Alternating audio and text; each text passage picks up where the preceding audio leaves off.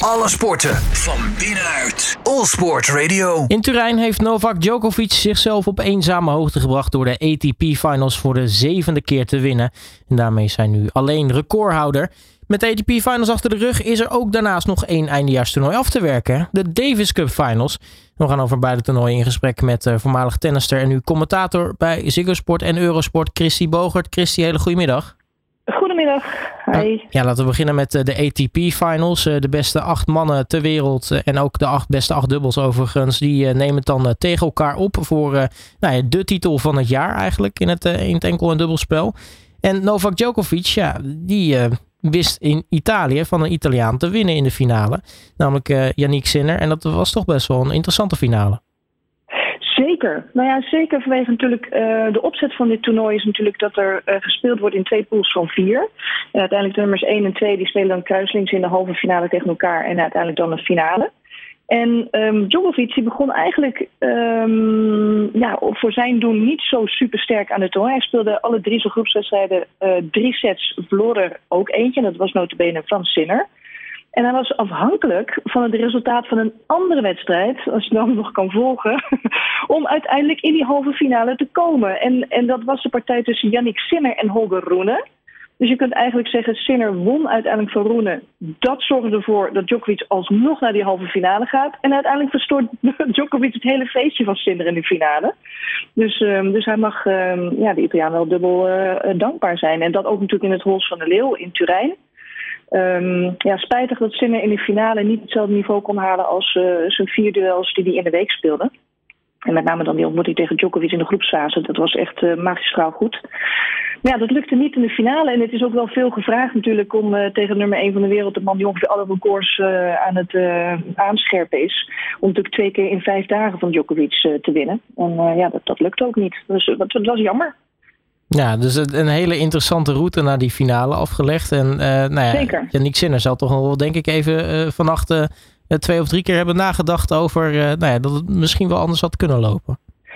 Nou ja, dat, kijk, je gaat natuurlijk ook niet opzettelijk een wedstrijd verliezen. Dat, uh, laat het ook duidelijk zijn. Zeker niet als deze jongens, die willen natuurlijk zo graag van elkaar winnen. Het zijn allemaal top 10 spelers. Alleen als je inderdaad dan bedenkt dat Hè, die stond tegen, tegen, tegen Rune. Dat was de sleutelwedstrijd om Djokovic wel of niet door in het toernooi te laten gaan. En het was in, in de derde set 4-3 Rune met een breekpunt. Dus het scheelde echt allemaal niet zo heel erg veel. En dan is het nog steeds geen garantie hoor dat, dat hij dan het toernooi wel had gewonnen.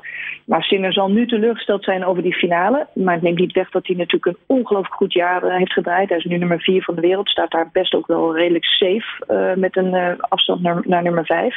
En hij heeft bewezen om 5, 6 wedstrijden achter elkaar van top 5 spelers te winnen. En dat is natuurlijk wel heel erg belangrijk voor, uh, voor zijn zelfvertrouwen. En, en dat hij zich ook echt wel gaat mengen straks met Alcaraz, met Roene. Ja, en dan kijken hoe lang Djokovic het natuurlijk nog voorhoudt. Maar hij is absoluut wel de nieuwe generatie die ongetwijfeld uh, dit soort grote toernooien wel gaat winnen in de toekomst. Ja, en dan uh, hebben we het over uh, nou ja, eindejaars toernooien. Dan, uh, dan, dan heb je die ATP finals en de WTA finals gehad. Maar dan heb je natuurlijk ook nog de, de landenwedstrijden waar het, het slot van is. Nou, de Billie Jean King Cup hebben we natuurlijk al gehad. Nu gaan we ons opmaken voor de Davis Cup finals. het valt me wel op dat dan, nou, als je dan toch hebt over eindejaarstoernooien, dat ze ook allemaal echt vlak achter elkaar gespeeld worden. Dat er eigenlijk ook gewoon geen tussenruimte tussen zit. Nee, nee. Bij de ATP zeg maar, duurt het seizoen nog langer dan, uh, dan bij de WTA. Want Djokovic zou terecht in zijn uh, speech gisteren dat um, tennis nou, misschien wel de sport is met het langste se seizoen van alle professionele sporten. We beginnen in januari, soms zelfs voor, voor oud en nieuw nog tot en met uh, nou ja, eind november. Dat is, uh, dat is echt lang. En het zijn allemaal natuurlijk prestigieuze toernooien om het jaar mee te eindigen. En uh, zeker ook um, voor Djokovic bijvoorbeeld als, als Serviër. Hij is super trots om Servië te zijn. Hij wil graag voor zijn land spelen. Dus ook dit ja, stond toch ook omcirkeld op zijn kalender. Maar het vraagt wel veel van, uh, van spelers. En er komt meteen aan de kanttekening natuurlijk dat er ook in het naseizoen in december zijn er dan ook wel weer uh, van een aantal demonstratietoernooien waar ze dan eigenlijk ook allemaal wel weer aan mee willen doen. Dus dat, komt, dat, is een beetje tegenstrijdig tegen het geklaag van het, van het lange seizoen. Maar ja, je moet wel inderdaad een heel jaar moet je topfit zijn. En, en, het zijn niet voor niets uh, er is er wel wat om voor te spelen.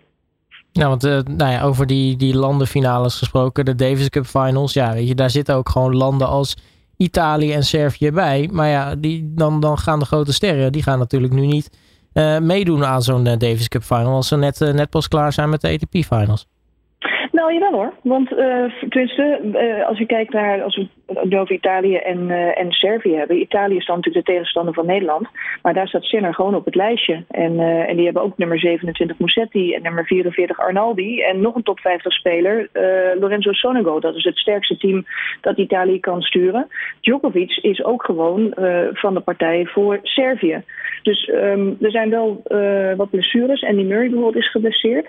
Maar, um, maar over het algemeen uh, spelen in zeg maar deze week spelen wel uh, de sterkste spelers. Als je kijkt naar eerder in het jaar, als dan uh, die voorrondes zijn, ja, daar zijn wel wat afmeldingen geweest. Bijvoorbeeld bij Spanje, Nadal en, en Alcaraz bijvoorbeeld hebben niet gespeeld. Dat is zuur voor de organisatie, want het wordt in Spanje gespeeld. Ja, en als dan het gastland er niet bij is, dat is best wel natuurlijk bijzonder dat, dat Spanje niet bij de, bij de beste acht zit. Maar de landen die er zijn, ja, die zijn super gemotiveerd. En, en, en het is aan de ene kant natuurlijk fantastisch dat Sinner erbij is. Um, maar met mijn Nederlandse tennishart denk ik, nou, als hij er niet bij zou zijn, dat zou ook niet heel erg zijn. Ja, het, is, het is een mooi duel, denk ik, tussen Nederland en Italië. Precies, ja, ik wilde overigens nog erachteraan zetten, zou je denken. Want ik, ik kan me voorstellen met zo'n, met zo'n verschrikkelijk zwaar kalender. Eh, dat, dat je, je hebt net de ATP-finals uh, gespeeld tegen nou, de beste tegenstanders mogelijk ongeveer. En dan heb je een week later nog eens een keer een belangrijk toernooi. Ja, dan, dan, dan, dan zou je als tennisser misschien wel denken van... Goh, Hè, lastig om dat allemaal te combineren, maar gelukkig dus zijn ze er wel bij.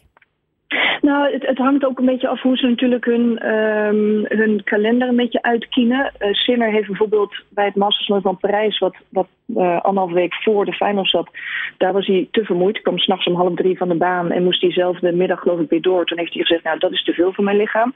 Je kunt er eigenlijk wel van uitgaan dat als er, als er niet een pijntje is uh, in de komende dagen, dan, dan, dan gaan deze jongens gewoon spelen. Ook met de wetenschap dat ze natuurlijk dan een kleine nou ja, vier weken hebben om weer voor het nieuwe seizoen klaar te zijn. Alleen als er wel wat met het lichaam mis is, als er inderdaad een verrekking of iets dergelijks is, dan gaan ze geen risico nemen, want dan is het te kort om te herstellen naar de start van het nieuwe seizoen. Maar zoals het nu naar uitziet, um, zijn ze gewoon van de partij. Ja, want het is natuurlijk twee keer knipperen met je ogen en Australian Open is alweer. Klopt, ja, met nog twee weken voorbereiding uh, natuurlijk op Australian Open. Ja, het, het, het, het het maar door. December is een beetje een maand uh, om soort van uh, bij te komen met hier en daar wat, ja, wat, wat exhibition-wedstrijden. En, en dat is het dan. En dan is het alweer volle bak. Maar dan heb je ook wel, moet dat is wel een elite groepje natuurlijk. Hè, want de beste acht bij de ATP Finals en ook nog eens een keer bij de Davis Finals, dat is niet voor iedereen. Dus het overgrote deel heeft natuurlijk wel iets langer rust, zeg maar vanaf, vanaf half november ongeveer. Ja, precies. Nou ja, je, je noemde wel even mijn Nederlands tennishart. Want dat is natuurlijk heel erg leuk aan de Davis Cup Finals, deze editie. Want Nederland zit daar gewoon bij in de knockout fase. Nee, dat is echt bijzonder. Ja, vorig jaar was het uh, een beetje een verrassing. Toen was Nederland er ook bij. Toen, toen was het, uh, nou ja, niemand had daar rekening mee gehouden. Maar nu natuurlijk ook, uh, vorig jaar was het Botik die natuurlijk eigenlijk een, een geweldig jaar had. Dit jaar is het, is het Tellen. En, uh, en het zorgt er wel voor dat, ja, dat er gewoon wel verrassingen mogelijk uh, zijn. En als de, kijk, als een, een Djokovic meedoet, dan moet je die eerste single misschien natuurlijk wel een beetje, nou ja, die gaat verloren. Maar er is alles om voor te spelen in, um, in de tweede single. Want daar zit vaak een groot verval met, met een ander land. En dan moet Botik er klaar voor zijn om, uh, om die tweede single te pakken. En Nederland heeft natuurlijk met Wesley Koolhof sowieso, en ook met Mathieu Middelkoop, natuurlijk een waanzinnig dubbelspel achter de hand. Dus het, alles draait een beetje. De sleutelwedstrijd zal zijn um, de tweede partij. Maar het is sowieso uh, een, uh, een uh, hele knappe prestatie dat Nederland bij die beste acht landen van de wereld zit. Ja, je noemde de tegenstander ook al Italië. Um, nou ja, als je ziet wie zij meenemen, ook, is dat, wordt dat ook zeker een hele interessante ontmoeting. Jawel, want um, kijk, Sinner, uh, normaal gesproken als nummer vier van de wereld, moet hij natuurlijk wel uh, Grieks spoor verslaan. Alleen je weet ook niet wat de afgelopen weken met Sinner natuurlijk heeft uh, gedaan. De druk wordt ook steeds groter. Nu heeft hij niet het, natuurlijk de steun van het, van het thuispubliek als hij in Malaga speelt. Maar goed, normaal gesproken zou Sinner dat moeten winnen. Maar dan krijg je Botek tegen uh, Lorenzo Musetti. Die staat als een top 30 speler. Nou, Botek staat uh, net buiten de top 50. Heeft aangetoond dat hij natuurlijk ook uh, tegen die top 20 aangeschurkt heeft. Dus dat, dat is wel echt een, een wedstrijd. Ja, daar, daar, daar ligt echt de sleutel. Maar kansloos, kansloos zeker niet. En dan wil ik het ook wel zien in, in het dubbelspel. Want ze hebben één dubbelspecialist aan, aan Italiaanse kant met Simone Bolelli. Maar goed, die staat 55. En als je dan kijkt natuurlijk naar, uh, naar Nederland. Ja, die heeft met Wesley Kolf natuurlijk wel de nummer 5 en voormalig nummer 1 in het team zitten. Dus ja, ik ben, ik ben wel nieuwsgierig. Ik, ik, ik, ik ben best wel. Um, kijk, voordeel is, je moet Italië wel voordeel van de twijfel geven. Maar ik acht Nederland niet heel kansloos.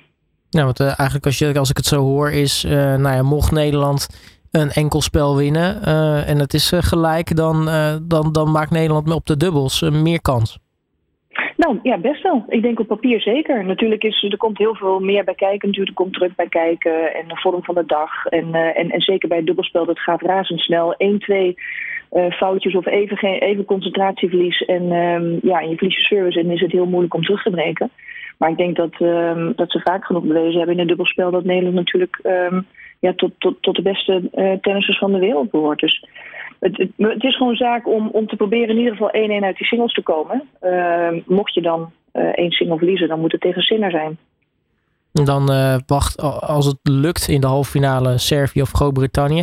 Als Nederland voorbij Italië geraakt, hè, ligt, ligt dan Um, nou ja, het, hele spel weer open. Is, is het dan, nou ja, dan, dan zou Nederland uh, bij wijze van het iedereen lastig kunnen maken? Dat, nou, dat is sowieso denk ik in deze, in deze knock-out uh, fase. En, uh, en wat ik al zei, het blijft natuurlijk. Kijk, Servië zal wel gaan winnen van, van Groot-Brittannië, want die, ja, Murray is er bijvoorbeeld niet bij. Ik zie, ik zie Djokovic niet verliezen van Cameron Norrie bijvoorbeeld. Maar als je dan kijkt naar de nummer 2 van, van Servië, ja, die staat 33 op de, op de ranking. Dat is Laszlo Djere. Nou, niet onoverkomelijk, lijkt me. Dus dan krijg je weer zo'nzelfde situatie het is overleven um, in, in zeg maar de, de, tweede single. Ja, en, en dan met de dubbel, ja, ook daarin, Servië heeft niet de absolute dubbelspecialist zoals Nederland uh, ze heeft. Dus dat, dat maakt Davis Cup ook gewoon zo leuk. Dat het, er komen hele andere elementen bij kijken. Er komt een andere soort druk. Want je speelt natuurlijk niet voor jezelf. Uh, je speelt voor je land. Als je normaal gesproken verliest, dan heb je jezelf ermee. Maar als je nu verliest, dan uh, heb je je land ermee. Dus dat, het geeft allemaal wat, wat ja, wat andere, andere um, elementen waar je rekening mee moet houden. En ook zie je dat soms juist een underdog situatie ervoor zorgt dat hij van een toppen kan winnen. Dat, maakt landentennis altijd uh, onvoorspelbaar leuk en, en is het ja, voor iedereen mogelijk uh, misschien wel om die Davis Cup te winnen. Zeker als er een groot verschil zit tussen nummers 1 en 2. Nou, gaan we allemaal uh, zien. Uh, Christy Bogert, mag ik je hartelijk danken voor je tijd. En uh, volgens mij gaan we qua tennis althans een, een, hele leuke week tegemoet. Ja, en Nederland speelt donderdagochtend om 10 uur. Dus het belangrijk om, om te melden. Hartstikke mooi. En via waar is te volgen? via Ziggosport. Alles, alles live de hele week. Nou, dat gaan we mooi in de agenda zetten. Christy, dankjewel. En heel erg veel plezier ook komende week. Dank jullie wel. Alle sporten van binnenuit. All Sport Radio.